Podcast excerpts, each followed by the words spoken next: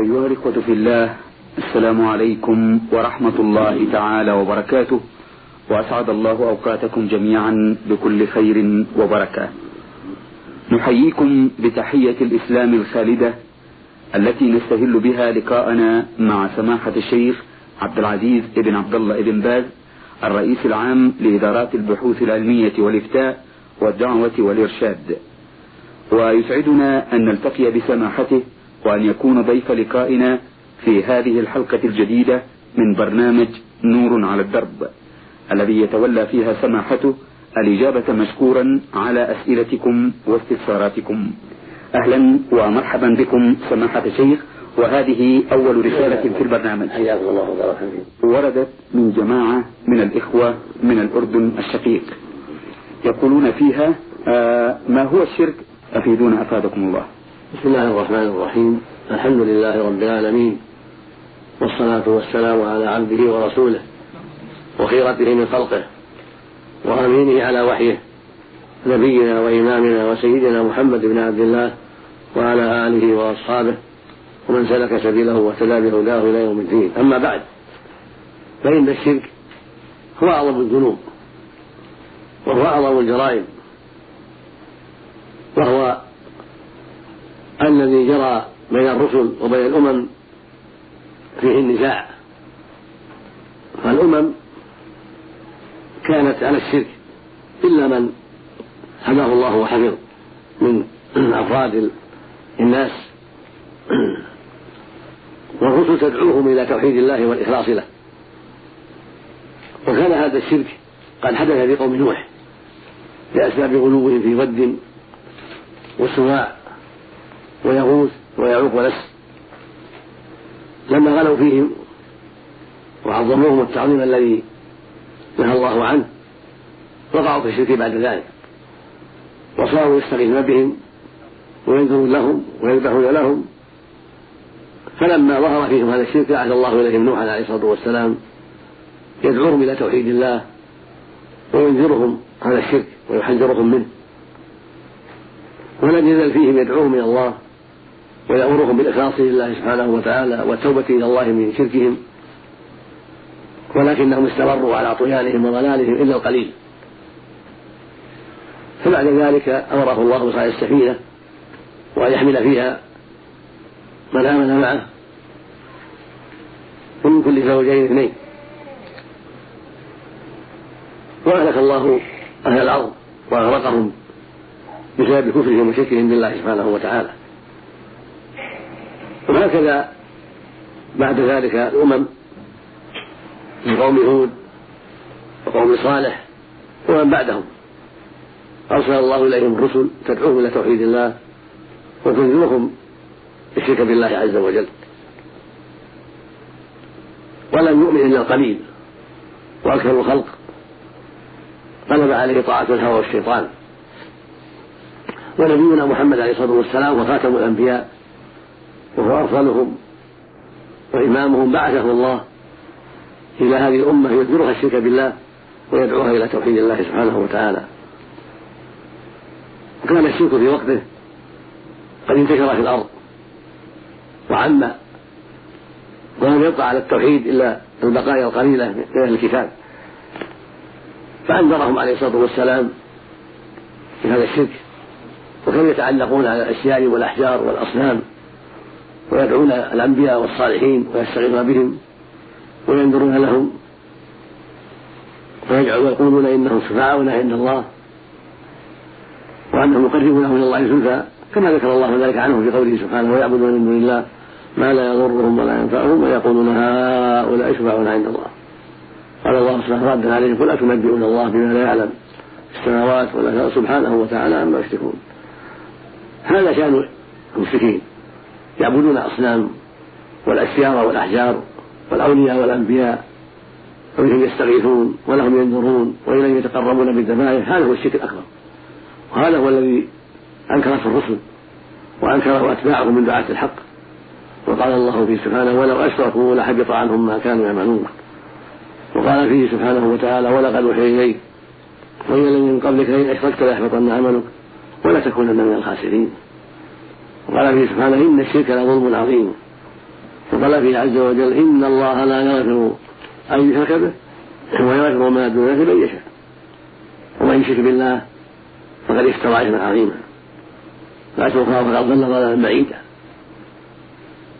وبهذا نعلم حقيقة الشرك وأنه تشريك غير الله مع الله لعباده سبحانه وتعالى. من أولياء أو أنبياء أو جن أو ملائكة أو أحجار أو أصنام أو شجر أو غير ذلك. هذا هو الشرك الأكبر. هذا هو الذنب الأعظم الذي نهت عنه الرسل. وأنزل الله فيه الكتب سبحانه وتعالى وتوعد عليه عز وجل بعدم المغفرة وبعدم دخول الجنة.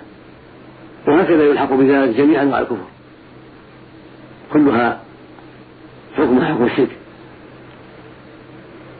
كما سب الله أو سب رسوله أو استهزأ بالدين أو تنقص الرسول صلى الله عليه وسلم أو طعن في رسالته عليه الصلاة والسلام أو جحد بعض ما وجب الله من الأمور المعلومة الدين بالضرورة كان جحد وجوب الصلاة صلاة الخمس أو جحد وجوب زكاة المال أو جحد وجوب صوم رمضان أو جحد وجوب الحج مع الاستطاعة أو جحد تحريم الزنا أو جحد تحريم الخمر أو جحد تحريم السرقة أو ما أشبه ذلك. كل هذا يسمى كفرا ويسمى شركا بالله عز وجل. وصاحبه إذا مات عليه مخلد في النار نعوذ بالله. وجنة عليه حرام. وأعماله حابطة. كما قال سبحانه ولو أشركوا لحبط عنهم ما كانوا يعملون. قال عز وجل وقدمنا إلى ما عملوا العمل فجعلناه هباء منثورا. قال سبحانه وإن يكفر بالإيمان فقد حبط عمله وهو في الآخرة من الخاسرين. والواجب على جميع المكلفين الحذر من هذا الشرك. وأن يخص الله بالعبادة دون كل ما سواه. وهذا هو معنى لا إله إلا الله. فإن معناها لا معبود حق إلا الله. فهي تنفي العبادة غير الله. وتثبت العبادة لله وحده سبحانه وتعالى. كما قال عز وجل ذلك بأن الله هو الحق وأن ما يدعون من دونه هو الباطل. وقال سبحانه ولقد بعثنا في كل أمة في كل أمة رسولا أن يعبدوا الله واجتنبوا الطاغوت. قال عز وجل وما أرسلنا من قبلك من رسول إلا نوحي إليه أنه لا إله إلا أنا فاعبدون. وهذا التوحيد هو الذي خلق الله من أجله الثقلين كما في قوله سبحانه وما خلقت الجن والإنس إلا يعبدون المعنى إلا يخصوني بالعبادة يفيدوني بعبادتي من صوم وصلاة ودعاء وخوف ورجاء وغير ذلك. هذا هو واجب المكلفين جميعا أن يعبدوا الله وحده ويخصوه بعباداتهم دون كل ما سواه.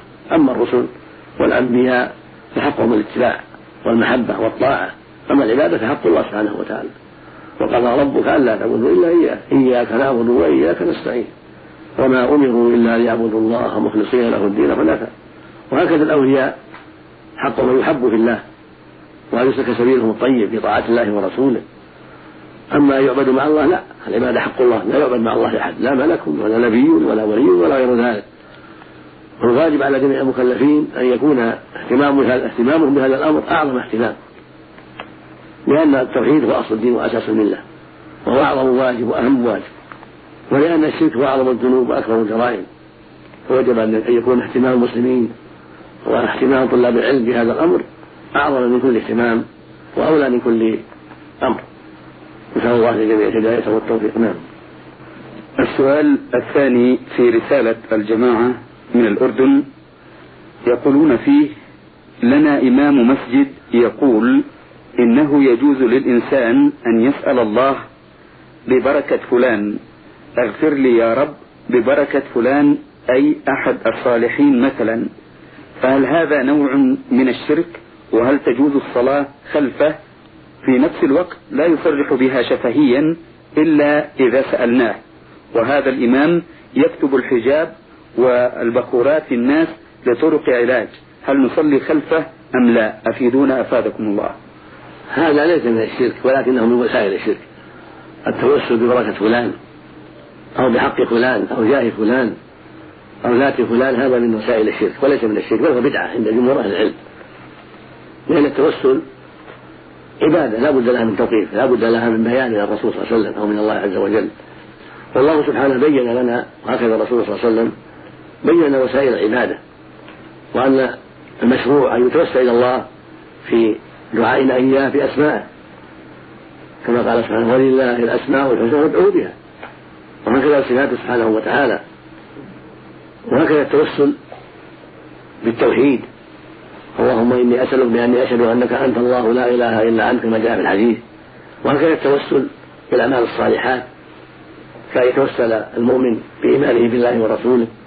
بمحبته لله ورسوله ببره لوالديه بأدائه الأمانة بعفته عن الفواحش بالمحافظه على الصلوات إلى غير ذلك. وفي هذا الباب قصة أهل الغار. وهو الحديث الذي رواه الشيخان أبو البخاري ومسلم في الصحيحين عن ابن عمر رضي الله تعالى عنهما أن ثلاثة من الناس ممن كان قبلنا اواه المبيت وفي رواية المطر إلى غار. فدخلوا فيه. فانحدرت صخرة سدت عليهم الباب. يقول النبي صلى الله عليه وسلم إنهم فيما بينهم قالوا لن ينجكم من هذا الأمر إلا أن تسالوا الله بصالح أعمالكم. فقال أحدهم فسال ربه ببره لوالديه ففرجت الصخرة بعض الشيء. وقام الثاني فسأل الله بعفته عن الفاحشة عن الزنا فانفرجت الصخرة بعض الشيء. وقام الثالث فتوسل إلى الله بادائه الأمانة. فانفرجت الصخرة وخرجوا. هذا دليل على أن التوسل بالأعمال الصالحات وسيلة شرعية. وهكذا التوسل بأسماء الله وصفاته. وهكذا التوسل بتوحيده والإخلاص له. أما التوسل بجاه فلان أو بركة فلان أو حق فلان لا أصل له. ولا يجوز له من البدع. ولكن ليس من الشرك. والصلاة خلف الإمام الذي يقول هذا صحيحة. لكن ينبغي أن يعلم ويوجه إلى الخير. فإن عرف الحق وامتثل وتاب إلى الله من ذلك وإلا فالواجب أن يبدل بغيره الواجب على المسؤولين أن يلتمسوا اماما أصلح منه للمسجد حتى لا يغر الناس. وهكذا إذا كان يتعاطى كتابة الحجب وهي التمائم هذا أيضا منكر. الرسول صلى الله عليه وسلم أمر بقطع التمائم وقال من تعلق تميم فلا أتى الله فلا أتم الله له ومن تعلق ودع فلا ودع الله له. واخبر أنها شرك فلا يجوز كتابة التمائم لا من العظام ولا من الخرز ولا من طلاسم ولا من غير ذلك. واختلف العلماء فيما إذا كانت التمائم إلى القرآن على قولين أحدهما الجواز والثاني المنع. والصواب المنع لا يجوز اتخاذ التمائم والحجب حتى ولو من القرآن على في أصح قولي العلماء. لأن الرسول صلى الله عليه وسلم نهى عن التمائم مطلق وعمم. فلا يجوز استثناء شيء من ذلك. ولأن تعليق التمائم من القرآن وسيلة إلى تعليق غيرها. فينفتح فينفتح الباب فينفتح الباب ويقع الشرك. وسد الذرائع أمر معلوم من الشريعة وأصل من أصولها. ولأن تعليقها قد يغني امتهان الآيات القرآنية فيجب فوجب منع ذلك. وأما البخور فشيء آخر. البخور قد يعالج بعض الأمراض بالبخور ولكن بعضهم من يدعي الطب قد يتظاهر بأشياء وعنده أشياء أخرى. قد يتظاهر بالتمائم أو بالمخروط وهو يتعاطى خدمة الجن وسؤال الجن ودعوى علم الغيب بواسطة الجن ومثل هذا خطره عظيم. فالواجب أن ينكر على هذا وأن يوجه إلى الخير وأن يعلم حتى يستفيد وحتى ينتبه لهذا الخطر. فإن استقام وتاب إلى الله وسار على الطريق السوي وإلا فالواجب إبداله بغيره. من أئمة المسلمين الذين عندهم العناية بأمر الله وعندهم صلاح العقيدة وسلامة الدين. والله المستعان ولا حول ولا قوة إلا بالله. نعم. هذه رسالة آه، بعثها مرسلها وبدأ بقوله بسم الله الرحمن الرحيم وصلى الله على سيدنا محمد وعلى آله وصحبه وسلم. السلام عليكم ورحمة الله وبركاته. أما بعد أرسل رسالتي أنا المرسل ألف با جيم من القطر العراقي من محافظة أربيل. أبعث بالتبريكات ومع كل احترامي لبرنامجكم الناجح الذي يذكرنا ويوعظنا بآيات الله وسنة رسوله صلى الله عليه وسلم. والتجنب عن كل أمر فاسق والله ولي التوفيق. إني أحمل في رسالتي هذه مجموعة من الأسئلة التي هي ليست لي وحدي وإنما معي أصحابي ولكننا جمعناها في رسالة واحدة لتعم الفائدة ونرجو أن تجيبوا عن الأسئلة بما يرضي الله ثم يرضينا لأن فيه بعض الأسئلة التي تهم جميع شبابنا في العالم الإسلامي. السؤال الأول يقولون فيه إننا نحب الاستماع إلى الأغاني والموسيقى بأنواعها وفينا أيضا من هو عازف فأردنا معرفة الموقف من الإسلام في هذا الموضوع فهل ذلك حرام أم ماذا؟ أفيدونا أفادكم الله. الاستماع للأغاني والمعازف والموسيقى من جملة الملاهي المحرمة والواجب على المؤمن ألا يستمع إليها وألا يكون عاملا فيها ولا عارفا لأن الرسول صلى الله عليه وسلم بين لنا أنه يأتي في آخر الزمان قوم يستحلون الحرى والحرير والخمر والمعازف. والمعازف هي آلات الملاهي والغناء فيها كله يسمى عزف. فالغناء عزف وآلة الملاهي تسمى معازف. ونص في هذا الباب قوله عز وجل ومن الناس من يشتري له الحديث يضل عن سبيل الله قال أكثر أهل العلم له الحديث الأغاني ويلحق بها كل صوت منكر. من المزامير والموسيقى وغير هذا من أصوات الملاهي. وبين الله سبحانه وتعالى أن هذه الآلات وهذه المعازف تضل أهلها. أن يضل عن سبيل الله. وقراءته في القرآن قال ليضل عن سبيل الله. فدل ذلك على أن اشتراءها يعني اعتياضها واستعمالها. قد يشتريها بالمال وقد لا يشتريها بالمال قد يختارها ويستعملها. فيضل بها عن سبيل الله يعني عن دينه ويضل بها غيره. فالواجب تركها والحذر منها حفاظا على دين المؤمن وحفاظا على قلبه من الزيغ والرين والانحراف عن الهدى. والله جل وعلا ذكر آية ذما لأهل هذا العمل فهو من الناس يعني بعض الناس. فهذا سيق مساق الذم ومن الناس من يشتري يعني يعتاض. لهو الحديث. وعرفت من قول أكثر أهل العلم أنه الغنى الغنى وآلة له. ليضل عن سبيل الله بغير علم ويتخذها هوزوا أولئك لهم عذاب مهين. وإذا عليه آياتنا ولى مستكبرا كأن لم يسمعها كأن في أذنيه وقرا فبشره بعذاب أليم. هذا يبين أن استعمال هذه الملاهي واستعمال الأغاني والموسيقى وغير وغير ذلك من أنواع اللهو من أعظم الأسباب في الضلال والإضلال واتخاذ آيات الله هزوا. ومن الأسباب أيضا في استكباره عن اتباع الحق وعدم انتهاده وارتياحه لسماع آيات الله عز وجل. فاتضح من هذا أن المعازف بأنواعها من أسباب مرض القلوب من أسباب الضلال عن سبيل الله ومن أسباب الاستكبار عن الحق.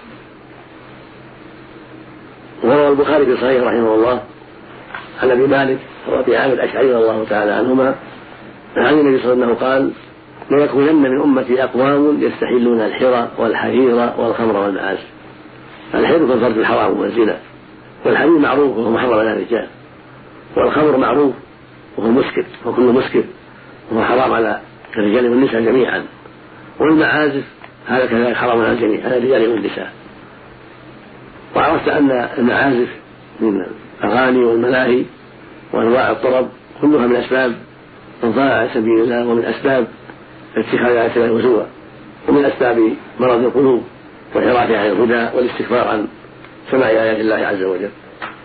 فالواجب على المؤمن أن يحذر هذا هذا الأمر وأن يحذره غيره وهذا واجب على الجميع على الرجال والنساء في كل مكان حرصا على صلاح القلوب وسلامتها واستقامتها وحذرا من غضب الله وحذرا من ما تجر إليه الأغاني والملاهي من الضلال والإضلال والسير عن الهدى ولا حول ولا قوة إلا بالله. نعم. السؤال الثاني يقولون فيه فينا من يحب فن الرسم وهو يرسم مرارا فنريد أيضا معرفة موقف الإسلام من الرسم وكذلك من الألعاب الرياضية وخاصة كرة القدم. أفيدونا أفادكم الله. الرسم له معنيان. أحدهما رسم صور ذوات الارواح هذا جاءت السنة بتحريمه. فلا يجوز الرسم الذي هو رسم ذوات الأرواح. لقول النبي صلى الله عليه وسلم في الحديث الصحيح كل مصور في النار.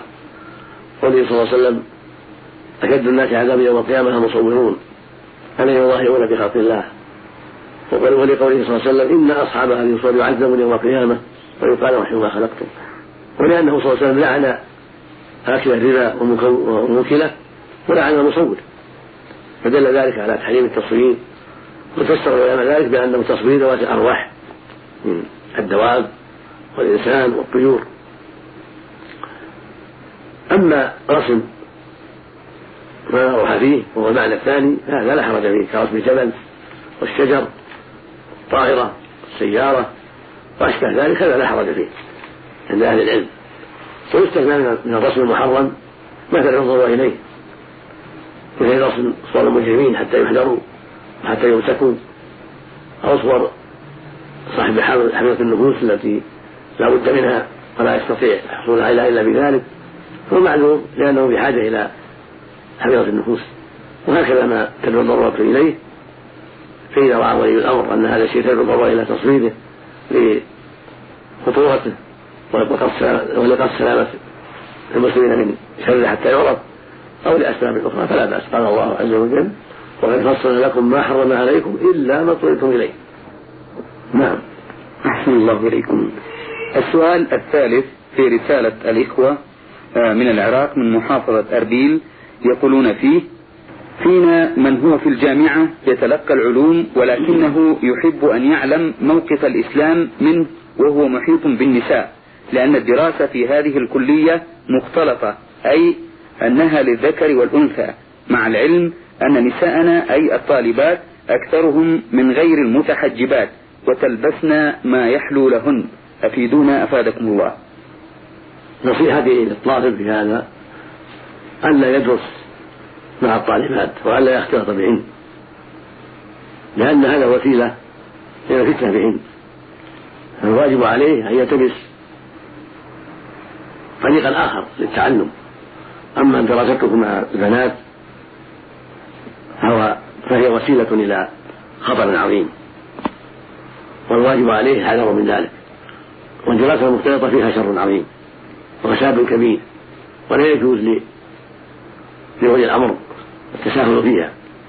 بل يجب على ولاة الأمور أن تكون الدراسة غير مختلطة. هكذا يجب على ولاة أمور المسلمين أن تكون الدراسة للبنات على حدة مع الصيانة والتحفظ وأن تكون الدراسة للبنين على حدة. هذا في مكان وهذا في مكان مع العناية بأسباب السلامة. والله المستعان. نعم. السؤال الرابع والأخير يقولون فيه الإخوة من العراق من محافظة أربيل هل المال الذي يحصل عليه الشخص أو أي شيء آخر يحصل عليه الشخص مما يسمى باليانصيب الذي آه، تقيمه بعض المصارف وبخاصة مصرف الرافدين في العراق أو ما يحصل عليه الشخص من المسابقات الأخرى في البرامج وهي الحظ حلال أم حرام؟ أفيدونا أفادكم الله. أما الأموال تحصل بطرق الميسر وهو القمار والمسمى اليانصيب وطريق الحظ ونحو ذلك هذه الأموال تؤخذ بغير الطريق الشرعي فلا تحل. قال الله جل وعلا يا أيها الذين آمنوا إنما الخمر والميسر والأنصاب والأزلام رجس من عمل الشيطان فاجتنبوه لعلكم تفلحون. والميسر هو القمار. كما كان من طريق المغالبات في أي لعبة وفي أي عمل فهذا هو الميسر وهو القمار. فلا يجوز للمسلم أن يتساهل بهذا الأمر. وإنما يحل له المال من طريق الحلال من طريق البيع الشرعي. من طريق الجماعة الشرعية من طريق القرض الشرعي. من طريق الأجرة الشرعية إلى غير ذلك. طرق المال الحلال معروفة في الشرع المطهر. أما ما يتعلق بالقمار بأنواعه وهو الميسر فلا يجوز للمسلم أن يتعاطاه بل يجب عليه الحذر من ذلك. والكسب من هذا الطريق من طريق الميسر ومن طريق بيع الحرام كبيع الخمر والدخان أو ما أشبه ذلك هذا لا يحل. بل يجب على المسلم التحرز منه يرجو ما عند الله ويخشى عقابه سبحانه وتعالى. ومن يتق الله يجعل له مخرجا ويرزقه من لا يحتسب. والعبد إذا ترك شيئا لله أمره الله ربنا سبحانه وتعالى وهو قائل عز وجل. ومن يتق الله يجعل له من امره يسرا. نعم. أيها الإخوة في الله باسمكم جميعا نشكر سماحة الشيخ عبد العزيز بن عبد الله بن باز الرئيس العام لإدارات البحوث العلمية والإفتاء والدعوة والإرشاد. على هذا اللقاء في برنامج نور على الدرب الذي أجاب فيه سماحته مشكورا على أسئلة الإخوة المستمعين. المستمعين جماعة من الإخوة المسلمين من الأردن الشقيق. المستمع ألف باجيم من العراق محافظة أربيل. أيها الإخوة الأكارم شكرا لكم على حسن إنصاتكم ومتابعتكم للبرنامج وإلى لقاء آخر إن شاء الله تعالى من لقاءات الخير والبركة والسلام عليكم ورحمة الله تعالى وبركاته.